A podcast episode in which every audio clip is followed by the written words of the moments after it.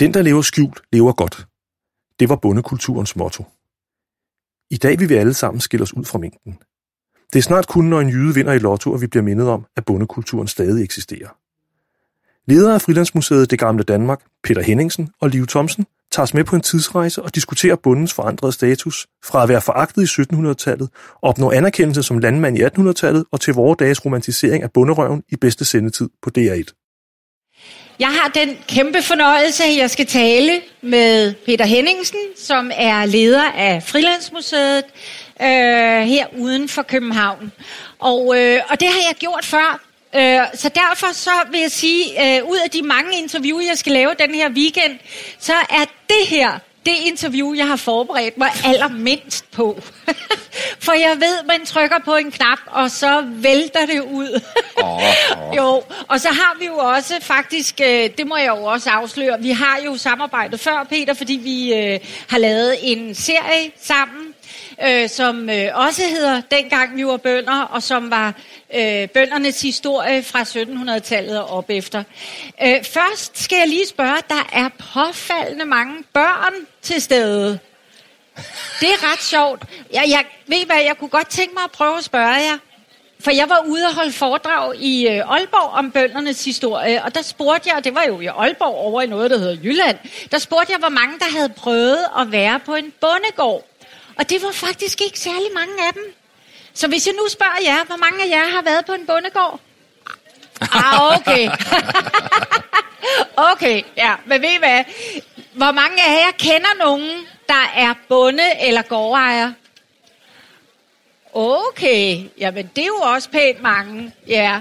Men Peter, måske er øh, det der med, øh, med landbrug og bønder og sådan noget, måske er det alligevel ikke så fjern, som vi går rundt og bilder os ind. Nej. Nej. Måske. Din bog hedder Dengang vi var bønder, og det er jo ret polemisk. Det antyder jo faktisk, at bunden er en uddød race, ikke? Er det derfor, du har valgt den titel? Øhm, ja, både og. Altså, titlen øh, er nok først og fremmest valgt, fordi jeg synes, den lyder rigtig godt. Altså, sådan, den lyder godt, simpelthen. Øh, men der ligger også det i det, at øh, der er jo ikke nogen, øh, der er bønder i dag, som de var i de gode gamle dage. Øh, I dag er... Øh, man kunne, de bliver også kaldt landmænd i øvrigt langt hen ad vejen, ikke? Og bønder, det er måske blevet sådan nogle økobønder, hvor det før var nogle festebønder, og øh, man er i hvert fald ikke bundet på samme måde. Og øh, hvis øh, vi ser i forhold til landbrugets betydning i det moderne Danmark, øh, i forhold til bruttonationalprodukter, og, men ikke mindst i forhold til kulturen, og så er der jo ingen tvivl om, at øh, i dag er vi ikke bønder længere, danskerne, som vi var i gamle dage. Hvis øh, vi går tilbage til tiden omkring 1900, jamen øh, så var dansk kultur en bondekultur. Det var simpelthen en bondekultur. Det er afspejlet i det, vi kender som janteloven, som jo ikke er noget særligt dansk. Det er et fænomen, der findes i alle bondekulturer verden over. Hvor man indkommer i verden, hvor der har eksisteret bønder, så har man noget, der ligner janteloven. Nordmændene tror, det er deres. Svenskerne tror, det er deres. De eneste steder, vi ikke finder jantelov i hele verden, det er Australien og USA. For der har aldrig været bønder i Australien og USA. Der har været farmers, og det er noget helt andet. For det, der ligger i bondebegrebet, det er, det er festebønder, som har været i standsamfund, og som har været underlagt de her standsprivilegier og mangel på samme, og det er et europæisk fænomen. Det findes også i Latinamerika, og det findes også i Asien faktisk. Men det har aldrig eksisteret i USA og Australien, så derfor har man ikke bønder, og man har ikke bondekultur. Dermed kender man heller ikke janteloven i øh, USA og Australien. Og det er der nok ikke så mange, der tænker over, at janteloven i virkeligheden er bondekulturens mentalitet, du skal ikke tro, du er noget. Kom ikke her. Vel? Altså, det er, det er bundske kultur, for bønder har jo... Jeg kan godt se, at jeg snakker helt vildt allerede. Ja, ja. kan I se, hvad jeg mener? altså, altså, hos bønder er det jo sådan, at der må man ikke skille sig ud. Bønder elsker at være ens. Det er derfor, i det klassiske bundesamfund gik man klædt på samme måde, man spiste samme mad, man boede på samme måde, uanset om man var rig eller fattig. Ingen ville skille sig ud. For det at skille sig ud, det var farligt. Især hvis man skilte sig ud som velhavende. Det handlede om at skjule sin velstand. For i det øjeblik, man fremstod som en øh, velstående bonde, så gjorde man sig også til potentielt offer for misundelse og bagtagelse. Og misundelse og bagtagelse kan få enhver ned med nakken. For så begynder samfundet at råde sig sammen med bunden, og det er vejen ned. Øh, grælles ser vi det tilbage i øh, 15. og 1600-tallet, hvor det kan føre til hekseribeskyldninger. Det handler også om misundelse og bagtagelse. Så det handler om at leve skjult. Altså den, der lever skjult, lever bedst. Det er bondesamfundets motto. Og sådan er det jo ikke længere. Altså, hvornår forsvinder bondekulturen egentlig i Danmark? Jeg vil våge påstå, at det er en transformation, der begynder i 80'erne og bliver fuldendt omkring årtusindskiftet. Øh, og i dag skal vi jo skille os ud, og vi skal være individualister, og vi skal være flagrende, og vi skal alle sammen være på og have vores øh, 50 minutes of fame. Ikke? Og det er jo fuldstændig modsat Øh, den gamle bundekulturs normer, hvor det handlede om at leve skjult.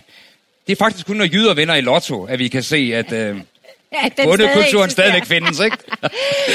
før vi, øh, før vi øh, ender der øh, i, det, øh, i det 20. århundrede og det 21. århundrede, så synes jeg faktisk, at vi lige skal sætte scenen. Ja, lad os det. Øh, øh, dengang vi var bønder i 1700-tallet, øh, der var det jo ikke bare bønderne, der holdt hinanden nede. Det var jo faktisk også sådan, og det kom fuldstændig bag på mig, at bønderne var øh, aller, aller lavest i rangstigen. Der var simpelthen en omfattende bondefagt, som du beskriver meget udførligt i øh, de to bind, øh, der hedder I Sansernes Vold.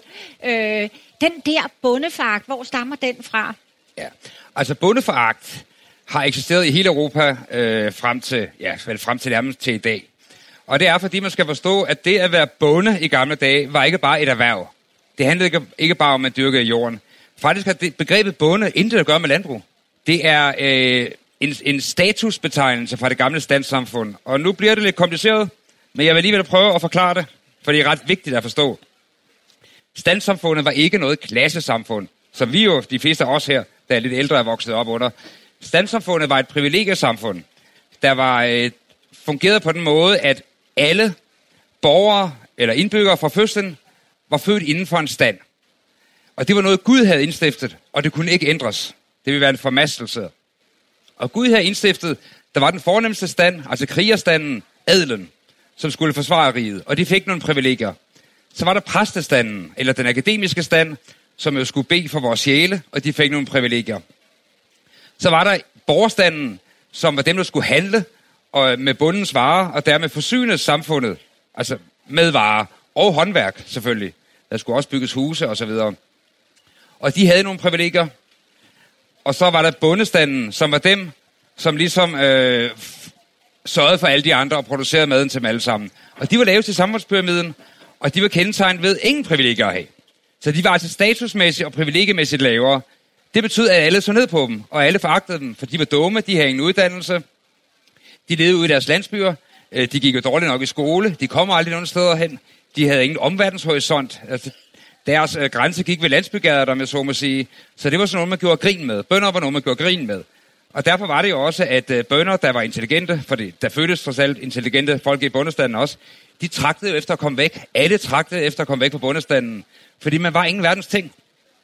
Og alle ville jo gerne højere op, og det bliver især synligt i øh, 16, slutningen af 1600-tallet og 1700-tallet, da enevælden kommer til at indføre en særlig rangforordning, hvor efter det er muligt at stige i graderne.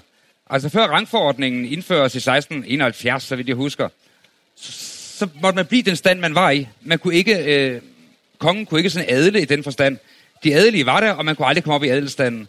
Efter 1671 kan kongen pludselig adle. Og så kommer der sådan en øh, konkurrence i gang i hele samfundet om at komme højere og højere op. Og jo højere man kommer op, jo mere foragter man dem, der står nedenfor. Og så er det jo sådan, at folk, som er... Der var jo ikke nogen værre end bønderne selv. Hvis vi udgik af bundestanden, var det jo ikke værre bundefagter end dem selv. Øh, Ludvig Holberg har gjort tyk grin med det i Jeppe på bjerget, hvor vi ser, at øh, når man først kommer ud af sin stand, så bliver vi jo endnu værre end dem, man i virkeligheden øh, var oppe imod tidligere. Så i 1700-tallet bliver det værre og værre, og bunden bliver mere og mere foragtet, og øh, bliver jo også underlagt hårdere og hårdere vilkår. Så det er noget, ingen har lyst til at være. Og det har ikke noget at gøre med landbruget som sådan. For det er købstadsfolk. De kunne godt tage på landet og købe en gård, og faktisk få prestige svært at drive landbrug. Vi ser det i Nordsjælland, hvor de i øh, anden halvdel af 1700-tallet flyttede ud af København og lægger såkaldte lyststeder. Det var faktisk også landbrug. Men de var jo ikke bønder, fordi de var ikke underlagt øh, standsamfundets mangel på privilegier. De var ikke underlagt stavnsbånd. De skulle ikke være i militæret og alle de her ting, og de kunne være skattefri for deres jord og sådan noget. Så borgere kunne sagtens tage ud at være bønder, uden at blive ramt af foragten. Faktisk gjorde de i slutningen af 1700-tallet det lidt mondant at være bonde, eller som de kaldte det selv, landmænd. For det er jo sådan, at øh, der var ingen, der ville være bønder, for det betød, at man var en festebonde. Man var dum, man var dårlig, man var beskidt, man var en med foragtet, men man ville gerne være landmand. Så det var noget helt andet. For det betød, at man var en fri landbruger, der gjorde det af lyst. Og derfor er det også, at bønderne i løbet af 1800-tallet begynder at kalde sig landmænd i stedet for, fordi det er der altså mere prestige i. Og 1800-tallet er vi altså ikke nået til endnu, Nej, nej, Peter. nej, nej. Øh, Vi har masser Det går af tid. stærkt. Øh, det der jo også er, det er i det her aristokratiske samfund i 1700-tallet, lad os lige spole filmen tilbage dertil, der er der en øh, afgørende værdi jo, og det er, at man må ikke arbejde. Arbejde er ikke fint. Øh, og er der nogen, der arbejder i det danske samfund i 1700-tallet, så er det vel bunden, ikke? Det kan vi ikke komme om. Og han arbejder jo for øh, herremanden. Og for Øh, sig selv.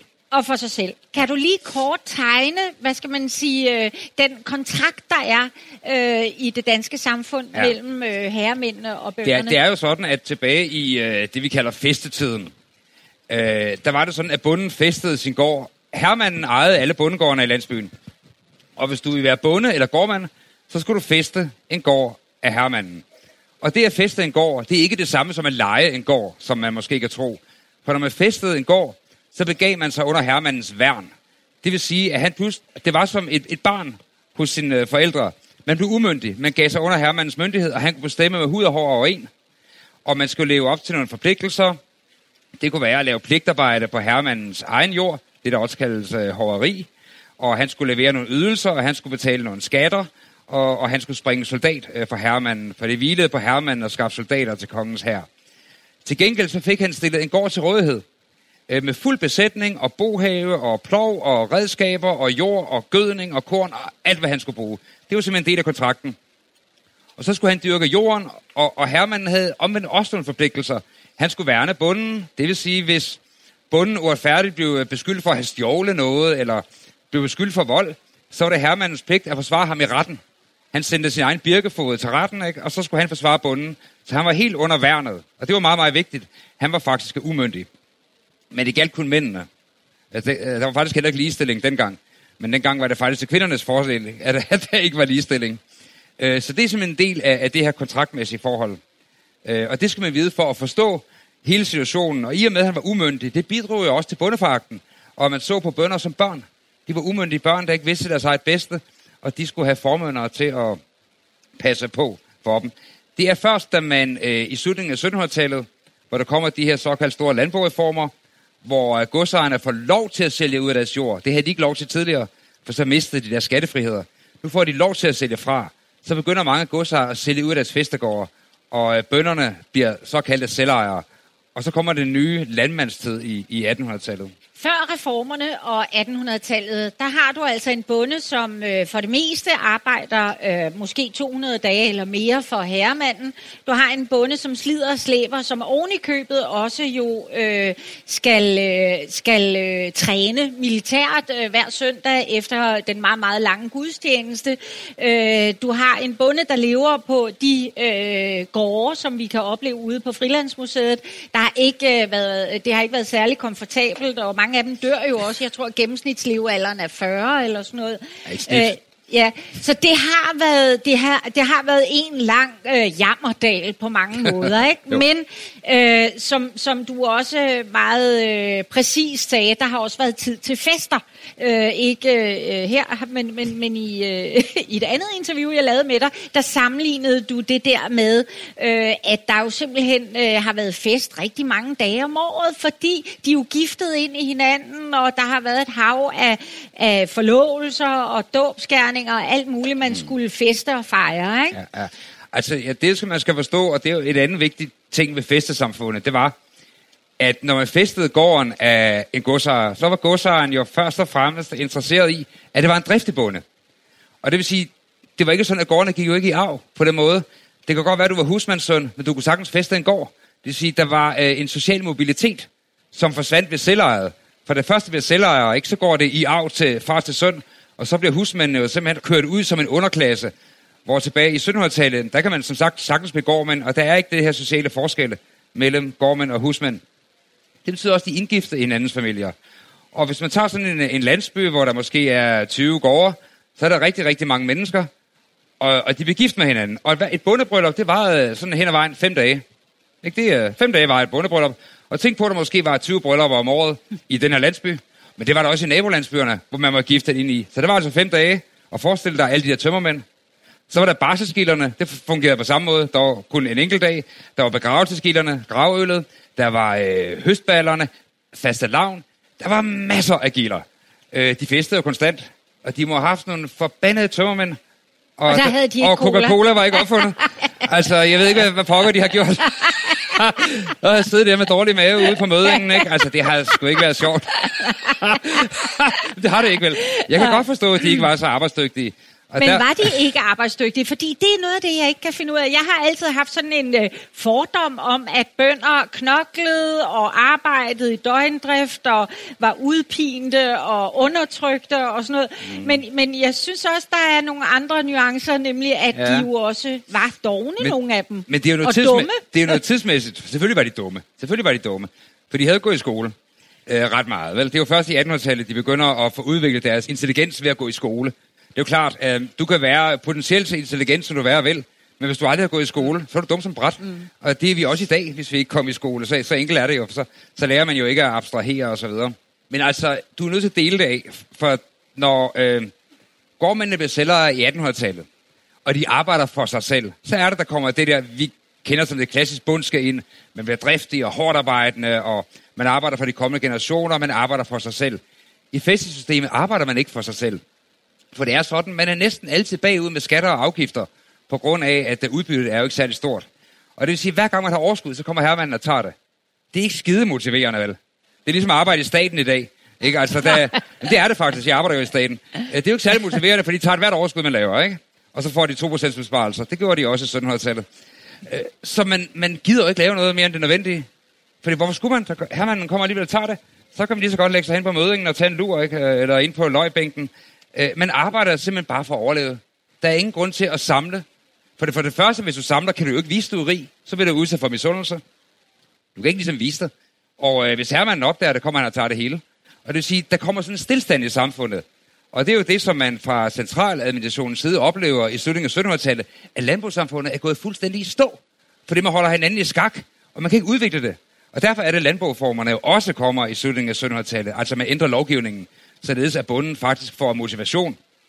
Sagen er jo, at liberalismen vinder jo ind i slutningen af 1700-tallet, ikke? Og herver jo hele 1800-tallet, hvor vi virkelig får en neoliberalisme, som er ekstrem. Øh, 1800-tallets stat, det kalder historikerne jo populært for natvægterstaten. For det eneste, staten skal gøre i 1800-tallet, det er at sørge for, at folk kan sove sikkert om natten. Ellers skal det være fuldstændig liberalt. Og, og der kunne man se, hvilke ulykker det førte til. Ikke? Øh, det førte jo til store ulykker, og så kommer den omvendte bevægelse i det 20. århundrede, så kommer den socialdemokratiske velfærdsstat, som ruller tilbage igen, og nu er vi igen i en bevægelse, der er nyliberal, ikke? Og dem bliver også rullet tilbage på et tidspunkt. Det går, at der går 20 og 30 år. Nu skal vi blive politiske, men sådan går historien i bølger. Og, og øh, hvis vi nu skruer tiden tilbage igen, så har vi så en bonde nu, der øh, har fået sin egen gård som er blevet øh, udstykket. Det vil sige, man har taget øh, øh, decideret helt konkret øh, de her bondegårde fra landsbyerne, som har ligget samlet i en klump omkring kirken. Så har man flyttet dem ud på øh, jordene rundt omkring landsbyen, så alle er ligesom kommet ud og har fået deres egen jord, men også blevet isoleret fra fællesskabet inde i landsbyen. Og så er børnene kommet i skole. Fra 1814 er der en skolelov, og ganske gradvist bliver landbruget mere og mere effektivt. Og man oplever simpelthen også en øh, tiltagende organisering af bønderne, eller skal vi nu kalde dem landmændene? Ja, altså, det er jo sådan, at i øh, 1800-tallet, der er det fornærmende at blive kaldt en bonde. For når man bliver kaldt en bonde, betyder det, at man er tilbagestående, man er konservativ, reaktionær, man har ikke anammet de nye landbrugsvidenskabelige metoder. Hvorimod, når man er landmand, så er man en af de moderne. Altså, så er man en af dem, der ser fremad. Øh, man bruger alle nye videnskabelige metoder til at effektivisere sin drift. Det er simpelthen et plusord. Man bruger kunstgødning, man bruger chilisalpeter og guano, og øh, alle dem, der bruger kunstgødning og med på beatet, det er bare, altså, øh, det, er, det er det, tiden kalder på, for det handler om at få produceret så meget korn som overhovedet muligt. Og det, vi skal forstå, før vi bliver alt for, alt for forarvet over landmændene i det 20. århundrede, det er, at når du er tilbage i 1700-tallets landbrug, som er 100% økologisk, 100% økologisk, øh, så gav øh, landbruget kun måske udsæden 3-4 gange igen. Og ofte var der misvækst på grund af dårligt vejr, som man slet ikke fik noget. Da kunstgødningen kommer ind i billedet øh, for fuld tryk i det 20. århundrede, der får man udsæden 300-400 gange igen. Det er altså forskellen på økologisk landbrug og på et, et øh, kunstgødningslandbrug. Og da, det jo handler om at effektivisere landbruget, så det kan brødføde en større befolkning. Den danske befolkning var jo ikke ret stor, så det handlede også om at brødføde den, så man ikke skulle importere så meget korn. Så er det klart, så understøtter man de her ting. For man har jo endnu ikke fundet ud af, at man forurener jorden. Det ved man simpelthen ikke. Det er jo noget, vi finder ud af her i det 20. århundrede, at åh, åh, det er vist ikke så godt det her. Så nu må vi forsøge at rulle det tilbage igen. Men faren ved at rulle ting tilbage til det økologiske landbrug, det er, at så producerer vi ikke særlig meget. Og vi er enormt sårbare over for sygdomme og misvækst og klima, og det vil vi jo være igen. Det skal man huske. Men der sker jo også det, at man omlægger, øh, hvad skal man sige, øh, landbruget, øh, og man begynder at satse på, øh, på bacon øh, og animalske produkter, på mm. mælk og fløde og sådan noget, i stedet for korn, ikke? Det, det øh, er jo vel også med til at højne niveauet i jo, landbruget, Ja, men det handler jo om, det er jo en bevægelse, der sker sådan set i hele Danmark, også i industrien, at for landbrugets vedkommende, så bliver man jo simpelthen udkonkurreret, da man kommer på verdensmarkedet, for det er alle udvandrerne, der er taget til USA. Og, og her er vi i sidste halvdel Nu er vi i 1870'erne, 80'erne, ikke? Der er de store præger simpelthen, du opdyrket. Og de kan eksportere så meget korn, det gælder jo også i Rusland, at det udkonkurrerer simpelthen det danske korn. Det kan simpelthen ikke betale sig. Man kan ikke være med. Så man må finde på noget andet. Og så er det, at man begynder at tænke, okay, måske skal vi øh, se på forædling i stedet for. Gør smøret bedre, gør mælken bedre, gør flæsket bedre. Fordi alt det, man får, er faktisk ret skidt alle steder fra. Og det gælder faktisk ikke kun i landbruget, det gælder også i industrien der opstår hele kunstindustrien øh, i slutningen af 1800-tallet, hvor man siger, industrielt kan vi ikke konkurrere med England og Frankrig og Tyskland, men vi kan begynde at forædle vores industrielle produkter. Og, og det er så det, man begynder inden for sølvsmedarbejde og porcelæn og fajance, og det er sådan en anden historie, men en bevægelse, der faktisk sker over hele Danmark, at vi siger, okay, småt kan også være godt. Vi kan ikke konkurrere øh, i bredden, men vi kan konkurrere i dybden ved at lave høj kvalitet.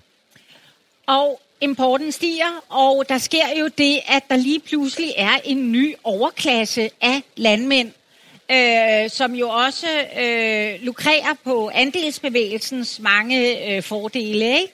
Men der opstår jo også et, øh, et voldsomt stort landproletariat. Så det vil sige, lige pludselig så har du ikke en samlet bondeklasse, eller bondestand, Undskyld. Ej, ej. Øh, men du har faktisk øh, en, en, øh, en øh, række landmænd, der er opdelt i to klasser, ikke? Mm.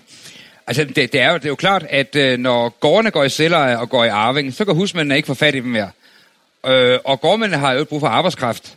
Og de har jo øh, interesse i at holde arbejdslønnen nede, for de har brug for masser af arbejdskraft på deres jord, så, så de ikke selv og deres egne børn skal arbejde. De bliver jo sådan en slags overklasse i landbrugssamfundet.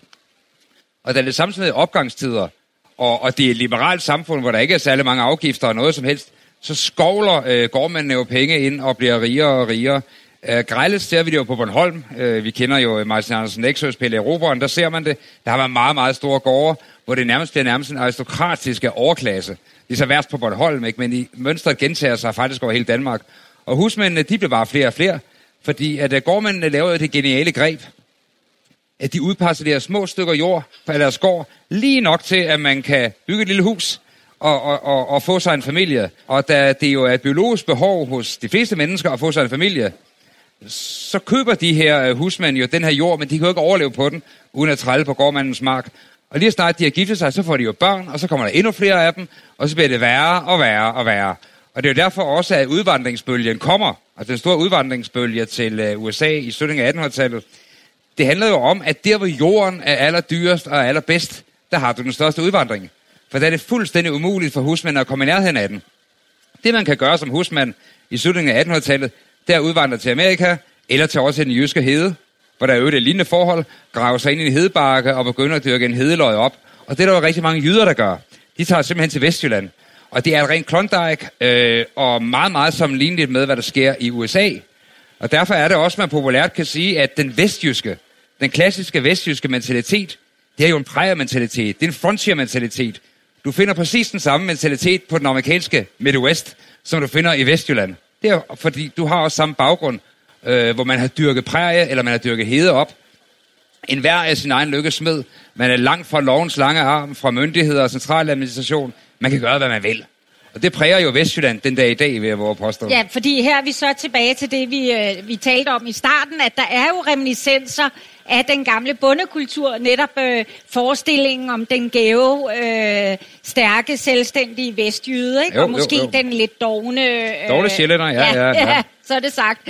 Øh, vi har ikke så meget mere tid tilbage, men Nå, jeg vil jo sige, nu er vi jo i dag et sted, hvor at, øh, at øh, ideen om bunden lever på Frilandsmuseet eller øh, på øh, i primetime på øh, på, på, DRK. på DR1, ikke? Nej, på DR1. På DR1. Han, han blev rykket. Bunderøven startede jo på DR2 Nå ja, ham- ham, og ja. var et marginalprogram, øh, som man ikke havde regnet med ville være særlig succesfuld. Og det blev det jo fuldstændig mm. overvældende, så nu kører han på 9. sæson, tror jeg, på, øh, på DR1. Ja. Det vil sige, du har en, øh, på den ene side nogle industribønder, Øh, og dem bliver der jo færre og færre mm. af, men de bliver til gengæld større og større. Og så Ja, har ja. du, øh, så har du en, en bonderomantik i Ja. virkeligheden, ikke? Det er sgu da sjovt. Jamen, det er jo den her, Ja, økologiske, det er jo den her økologiske bevægelse, ikke? at nu er bonde blevet noget positivt. Det er en økobonde. Det er en, der går tilbage til det oprindelige, bæredygtige og klima og så videre. Og landmanden er nu en, der sviner, og en, der bliver skældt ud, ikke? Øh, og, og vi profiterer jo meget af, at, at pludselig er det blevet hot. Det bundskab er blevet hot, ikke? Og for det har at gøre med klima og bæredygtighed og økologi og selvforsyning. Og Frank Eriksen, altså bunderoven, han promoverer det jo i primetime. Og det er jo det, vi er et museum for. Og jeg kan også se, at vi bliver mere og mere populære i virkeligheden på grund af, af, af det her. Ikke? Så vi er simpelthen ind igen, efter at have været ydt i rigtig mange år. Kan vi lige nå fremtiden for dansk landbrug? Godt. Klarer du den, Peter, på et minuts tid? Ja, det må vi se. Det kommer an på, hvad du spørger om. Jamen, hvad er fremtiden for dansk landbrug? Ej, Wow. øh, altså, vi er jo et sted, hvor at øh, netop, øh, at, at øh, for to generationer siden, der var der masser af folk, der var i familie med gårdejer, som havde en onkel eller en bedstefar, eller øh, en far, der var gårdejer. Øh, I dag bliver der længere og længere imellem gårdene, helt bogstaveligt talt, er Danmark ved at blive øh, gårdfattigt, øh, og, øh, og det går lynhurtigt nu, ikke? Øh, helt kort, Peter, hvad, hvad, hvad forudser, der, for, forudser du, at der sker? Altså, nu skal man jo passe på med at spore om fremtiden. Øh, men, men, men hvis jeg sådan skal bruge min historiske viden om, hvordan historien altid går i bølger, så plejer det jo at være, så nu er jeg jo marxist, ikke? Så øh, Er, er du åben, eksplicit marxist? Ja, ja, jo, jo, ja. Hold da kæft. øh, hvad hedder det? Der faldt bomben på historiske dage. Der er en marxist til stede.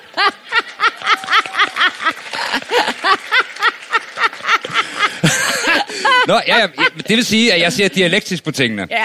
Og jeg ved jo, at et hvert tryk avler et modtryk. Så på et eller andet tidspunkt, så gør der jo, som Marx siger, så er de store et hinanden så meget, at det hele bliver brudt op. Du ser det jo i det professionelle fodbold også, for fuld udblæsning lige nu. Det skal vi ikke snakke om, det er et andet tema. Ja. Men så er de et hinanden op, ikke? Og så bliver det hele brudt op. Så selvfølgelig kommer der en modbølge, som ruller det hele tilbage. Jeg ved ikke, hvornår den kommer, men jeg er ikke i tvivl om, den kommer. For det er sådan, er historiens udvikling. Det er godt. Og hvis I har lyst til at læse videre om dengang vi var bønder, så udkommer din bog øh, i juni. 1. juni har jeg fået at Ja, på Gades Forlag. Og ellers så kan I jo tage ud på Frilandsmuseet øh, lidt uden for Lyngby. Der er et hav af genstande, af øh, huse, af reminiscenser fra dengang vi var bønder. Tak skal du have, Peter. Selv tak. Tak til Peter Henningsen og Liv Thomsen. Hør flere lydglimt fra historiske dage på vores hjemmeside og hvor du normalt henter dine podcast.